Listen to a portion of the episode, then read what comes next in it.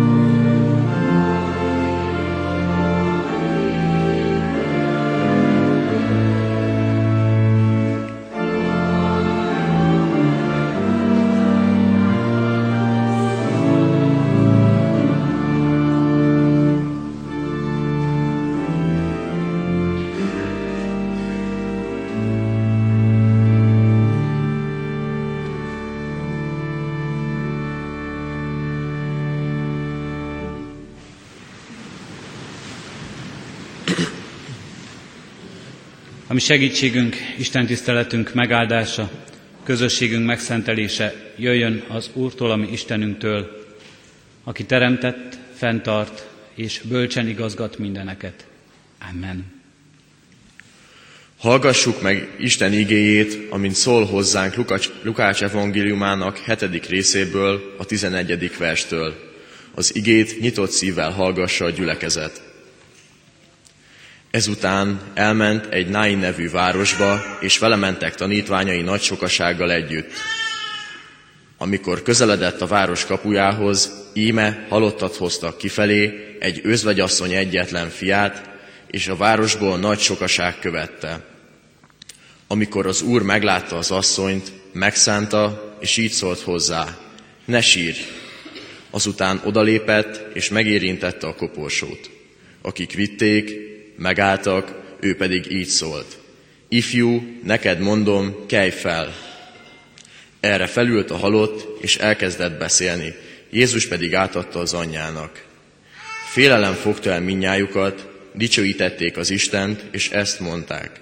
Nagy proféta támad köztünk, és meglátogatta Isten az ő népét. Ez a hír elterjedt róla az egész Júdában és az egész környéken. Isten szent lelke cselekedje meg, hogy lehessünk igényének megértői és megtartói. Amen. Hajtsuk meg fejünket és imádkozzunk. Magasztalunk téged, Urunk Istenünk, a te kijelentő szeretetedért.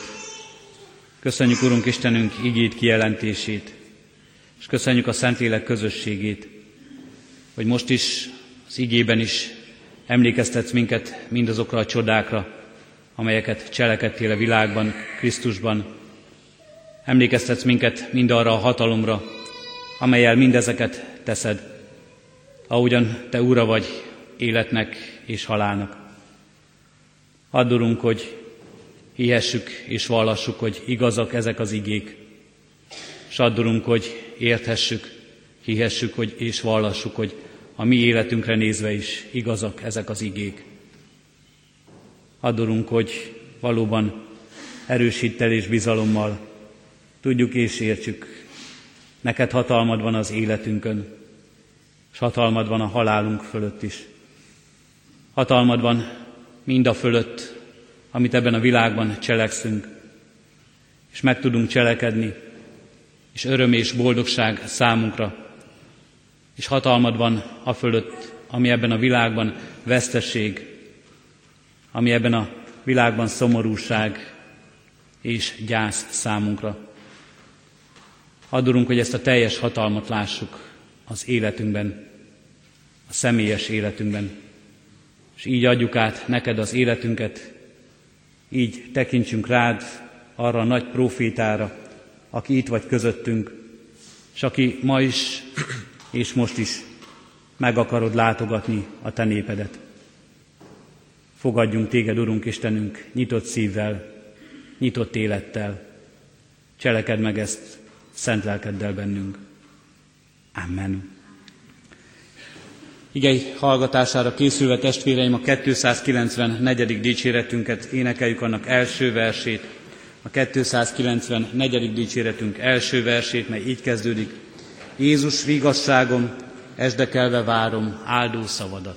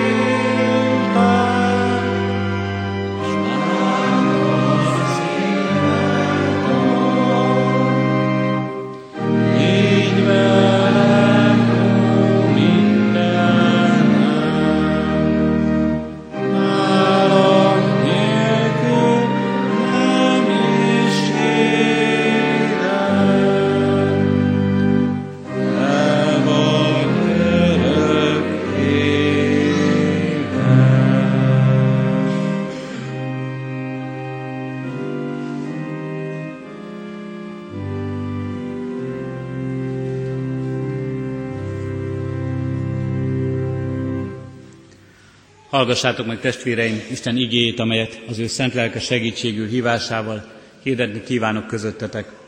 Úgy, amint írva található a már felolvasott igerészben, Lukács evangéliumának hetedik részében, a 16. versben, eképpen.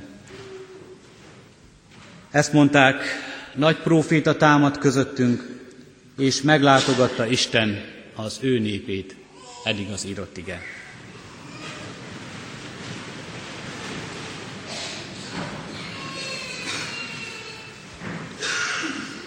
Kedves testvérek, a Naini ifjú feltámasztása, ez a csodája Krisztusnak csak Lukács evangéliumában van leírva. Mégis egy nagyon ismert és sokak által az egyik legkedveltebb csodatétele Krisztusnak. Talán azért is, mert olyan nagyon reménytelenek azok a körülmények, amelyben látjuk ezt a történetet. Olyan nagyon szívszorító a történetnek a kezdete, amelyben Jézus találkozik ezekkel az emberekkel. Nain egy kicsi falu ma is Názárettől nem messze. Ahogyan Jézus arra tart, és keresztül akar haladni ezen a kis falucskán, egy özvegy asszony fiatal fiát, az egyetlen gyermekét hozó temető menettel találkozik. Önmagában, ha alaposan végigvesszük ezeket a jelzőket, amelyekkel ez a kis csoport, csoportot illet az evangélium, ahogyan bemutatja nekünk ezt a közösséget, egy nagyon szívszorító közösséget látunk magunk előtt. Temetésre indul ez a menet. Egy özvegy asszonynak, aki már elveszítette a férjét, az egyetlen fiatal fiát temeti ez a közösség. A reménységét, a jövendőjét, ezt is mondhatnánk. Innentől kezdve valóban teljesen egyedül marad ez az asszony, egy olyan sors vár rá, amiben majd nem csak hordoznia kell a kétszeres gyász terhét is, hanem nagyon reménytelenné válik számára a holnap és a jövendő, asszonyként egyedül élni Izraelben akkor nagyon kiszolgáltatott helyzetet jelentett. Rá volt utalva esetleg távoli rokonainak és családtagjainak jó indulatára, a közösség megtartó erejére. Mekkora fájdalom, és a közösség is átérzi ezt a fájdalmat. Mert ez a nagyon egyedül levő asszony még sincs egyedül. Azt olvassuk az evangéliumban, hogy nagy sokaság követte őt. Ezt a mély és nagy fájdalmat mindenki átérzi, és mindenkit megrendít. Talán minket is így több ezer év távlatából, hogy milyen nehéz lehetett ez a helyzet. Ezért hát ott van vele a gyászolók sokassága, a közösség részvéte. Jézus ahogyan megy és belépne ebbe a faluba, ezzel a menettel találkozik. Ha azt látjuk, hogy a csodáknak és a jeleknek, amelyeket Jézus tesz, van valami értelme, és van valami ért- jelzés értéke, akkor azt mondhatjuk talán a történet kapcsán, hogy a csodák és jelek körülményeinek is jelzés értéke van. A körülmény pedig az, hogy Jézus egy reményét vesztett, egy kiszolgáltatott, egy gyászoló, egy síró, egy elkeseredett emberrel és közösséggel találkozik. A csodának, amit majd tesz, a feltámasztás csodájának nem csak az a lényege, és nem csak azt akarja leírni nekünk, hogy Jézus életet tud adni, hanem ezen túl, vagy nem csak azt mutatja meg, hogy Jézus visszaadja ennek az asszonynak a fiát, hanem azt is jelzi nekünk, hogy Jézus életet tud adni, akkor itt ez a gyászoló tömeg, ez is több csupán az ott lévő embereknél, hanem valamit megmutat azzal, hogy Jézus hogyan és milyen módon találkozik az emberekkel, a világunkkal. Milyen sokszor látjuk ezt mi magunk is. Beteg és kiszolgáltatott a világ.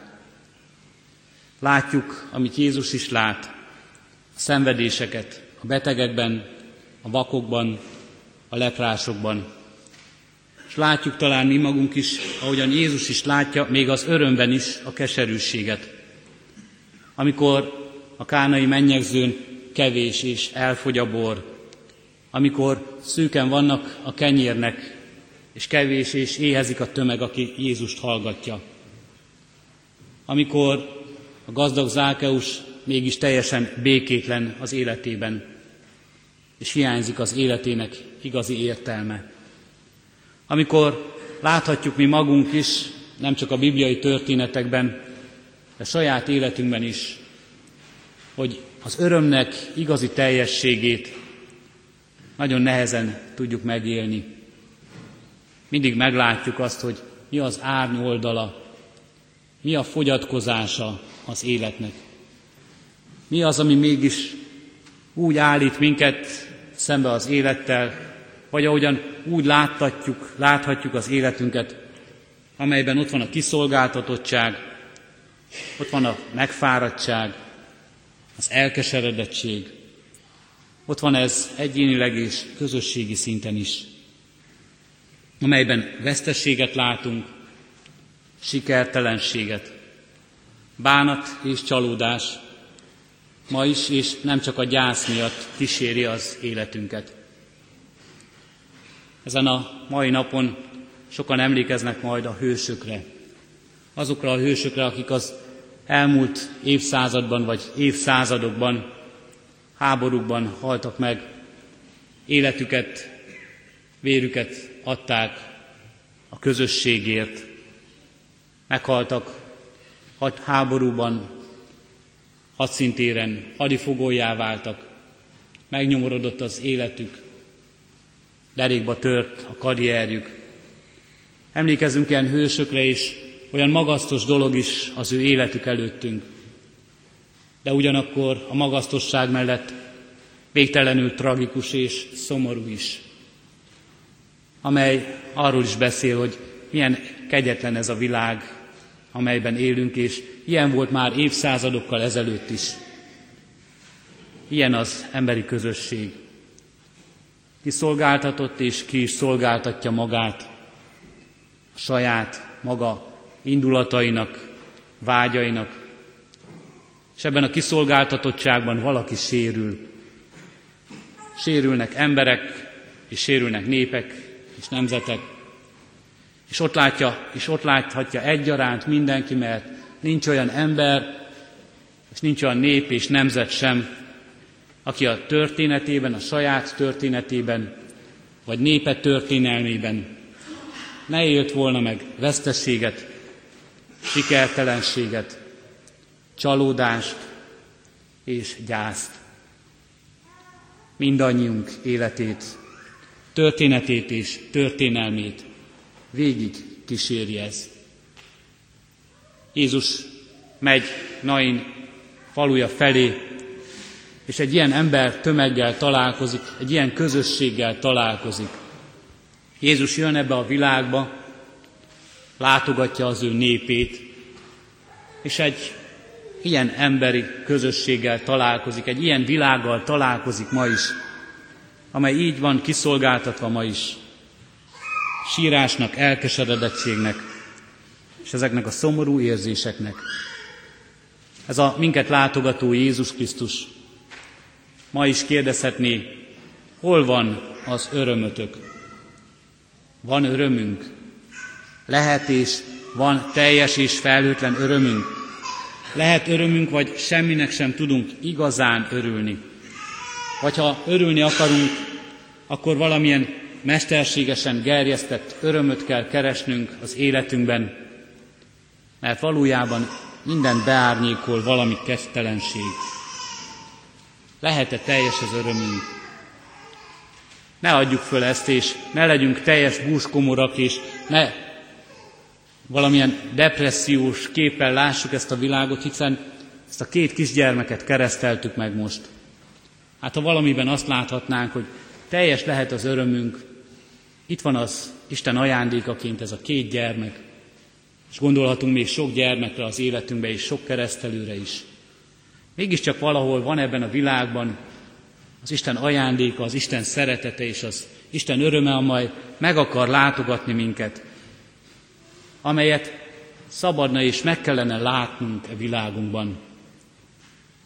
Ahogyan Jézus jön felénk, ahogyan Jézus látogatja ezt a világot, még sok keserűségünk és csalódásunk, gyászunk és szomorúságunk ellenére is azt mutatja, van ebben a világban mégis öröm.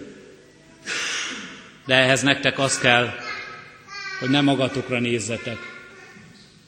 Ne azokra fiatalokra, ne azokra a szomorú eseményekre, akik nincsenek, nincsenek itt, akiket hősként kellett eltemetni, vagy akik nem méltók arra, hogy azt gondoljuk, velünk együtt örüljenek. Jézus azt, Jézus azt mondja, nem magatokra kellene nézni, és magatokban, a világotokban megkeresni az örömöt, mert az ideig, óráig való lesz ez az öröm. A magatokban megtalált öröm is, a világotokban megtalált öröm is, mert az kiszolgáltatott nektek, érzéseiteknek, múlandóságotoknak, elesettségeteknek. Jézus, ahogyan érkezik ebbe a Nain nevű városba, találkozik ezzel a tömeggel. Ebben a történetben nem csak az a fontos, hogy Jézus hogyan találkozik velük és hogyan látja őket, hanem az is nagyon fontos, hogy ez a közösség kivel találkozik, és ez a közösség kit lát meg. A világba érkező Krisztus az ő népét látogató Krisztus ma itt ezen az Isten tiszteleten nem csak az a fontos ebben, hogy ő jön közénk és látja a mi kiszolgáltatottságunkat, nyomorúságainkat, szenvedéseinket, gyászunkat, hanem ettől sokkal fontosabb az, hogy mi látjuk-e őt. Hogy ez a gyászoló tömeg ott Nainban megláthatja Krisztust, találkozhat vele, velük jön szembe, és ebben a találkozásban majd mi lesz? Csoda és élet és feltámadás. Kedves testvérek, vasárnap Isten tiszteleten szólozánk az ige. Itt vagyunk ebben a közösségben, az Istent tisztelve, az ő igéjét hallgatva, vele találkozva. Ebben a találkozásban látjuk-e mi is őt, vagy csak önmagunkat? elesettségünket, nyomorúságainkat. Látjuk-e őt, a Krisztust, az Isten fiát? Nagy próféta támad közöttünk, és meglátogatta Isten az ő népét. Ez hangzik el bizonyságtételként. Ez hangzik el újongó örömmel mindazok száján, akik találkoznak az életet hozó Krisztussal, az életadó Krisztussal. Itt van-e bennünk ez a találkozás? Látjuk-e mi így ezt a Krisztust? És ott van-e az ajkunkon ez a csodálatos bizonyságtétel? Nagy próféta látogat meg minket, az Isten fia Krisztus. Meglátogatja az ő népét. Életet hoz, vigasztalást hoz, örömöt hoz, békességet hoz az életünkbe. Jézus Krisztus azt kérdezi, Hol van az örömötök? Jézus Krisztus magára mutat, és azt mondja, én leszek, én vagyok ez az öröm. Az életetek öröme, boldogsága és teljessége. És ez nem múlik el. Ez nem múlandó öröm. Ez nem vészel. Nem önmagadban, nem a világban találod meg, hanem én adom neked. A velem való találkozásban lehet a tiéd. Ez a történet nem csak erről az özvegy asszonyról szól, az ő veszteségéről, gyászáról, majd a feltámadott fiának való örömről. Ez a történet rólunk is szól, a mi örömünkről, saját vesztességeinkről, gyászainkról, elesettségünkről, és a Krisztusban nyert reménységünkről és örömünkről. Erről szóljon az életünk.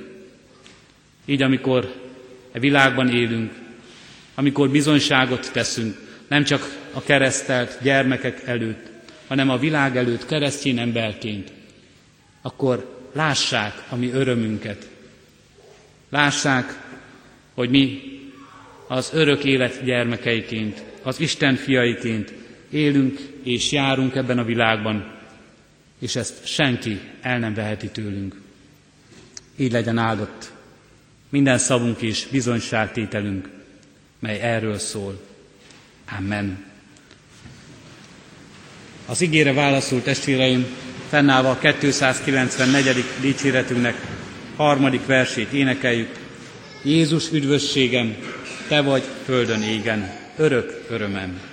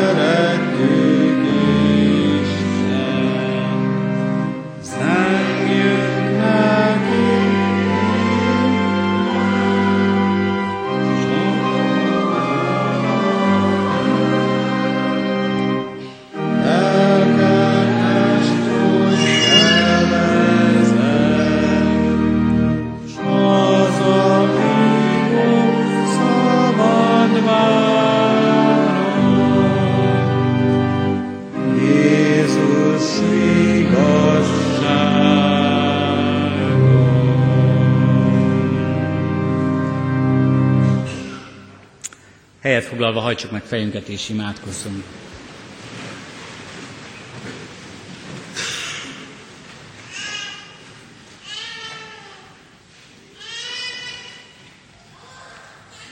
Urunk Istenünk, attól, hogy meglássuk az életünkben, micsoda ellentmondás, hogy benned bízó emberek vagyunk. A te kezedben tudjuk az életünket, mégis örömtelen ez az élet, mégis nem látjuk annak boldogságát, nem látjuk annak teljességét. Urunk Istenünk, kérünk és könyörgünk, bocsáss meg nekünk minden ilyen gyarlóságunkat, reményvesztett életünket, sok csalódásunkat, sok kétségünket és hitetlenségünket. Urunk Istenünk, azt is látjuk, hogy mi önmagunk ezen nem változtathatunk. Ezért szent lelked ajándékáért könyörgünk. Szent lelked töltsön el minket teljes örömmel, mely semmit, és melyet semmi el nem vehet az életünkben. Adorunk, hogy így lássuk meg minden ajándékod a világban, amelyben élünk. Adorunk, hogy így tudjunk örülni a Te gondoskodó szeretetednek. Így tudjunk örülni, Urunk Istenünk, mindannak, amelyet nekünk adsz a világban, a teremtett világ örömeinek.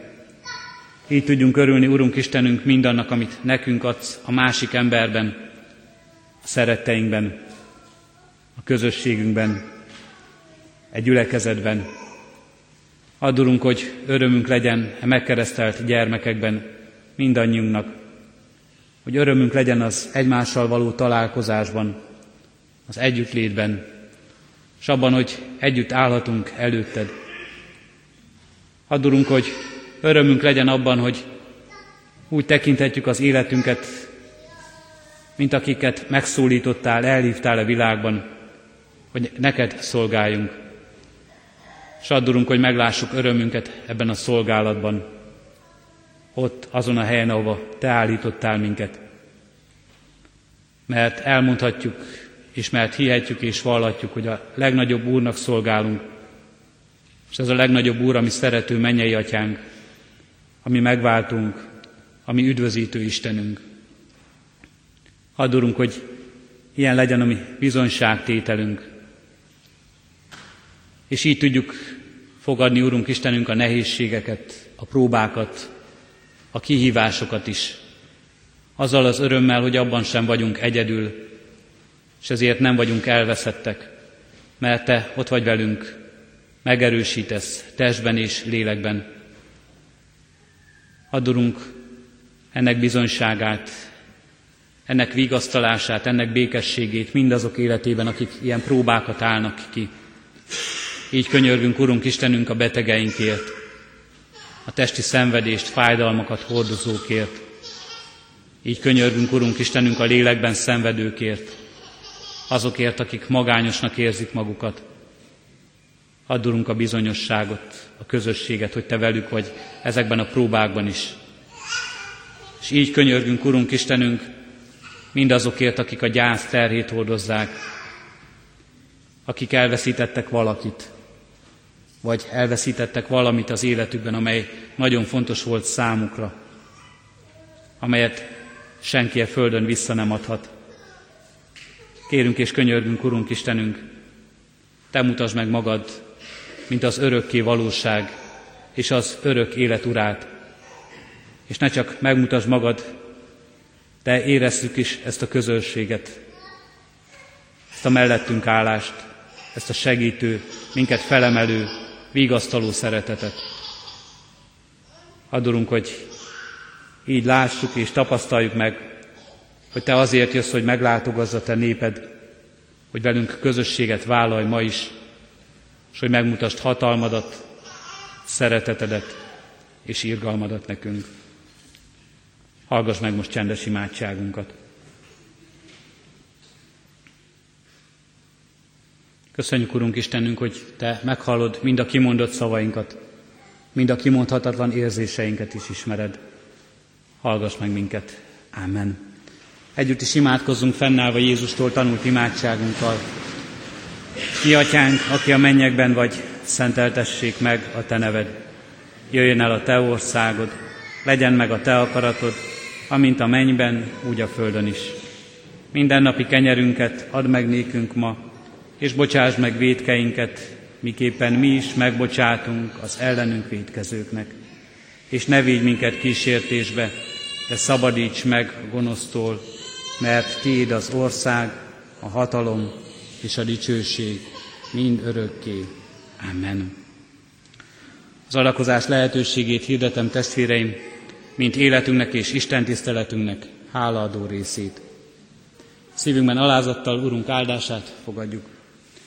Örüljetek az Úrban mindenkor, ismét mondom, örüljetek. A ti szeldítségetek legyen ismert minden ember előtt, az Úr közel. Amen.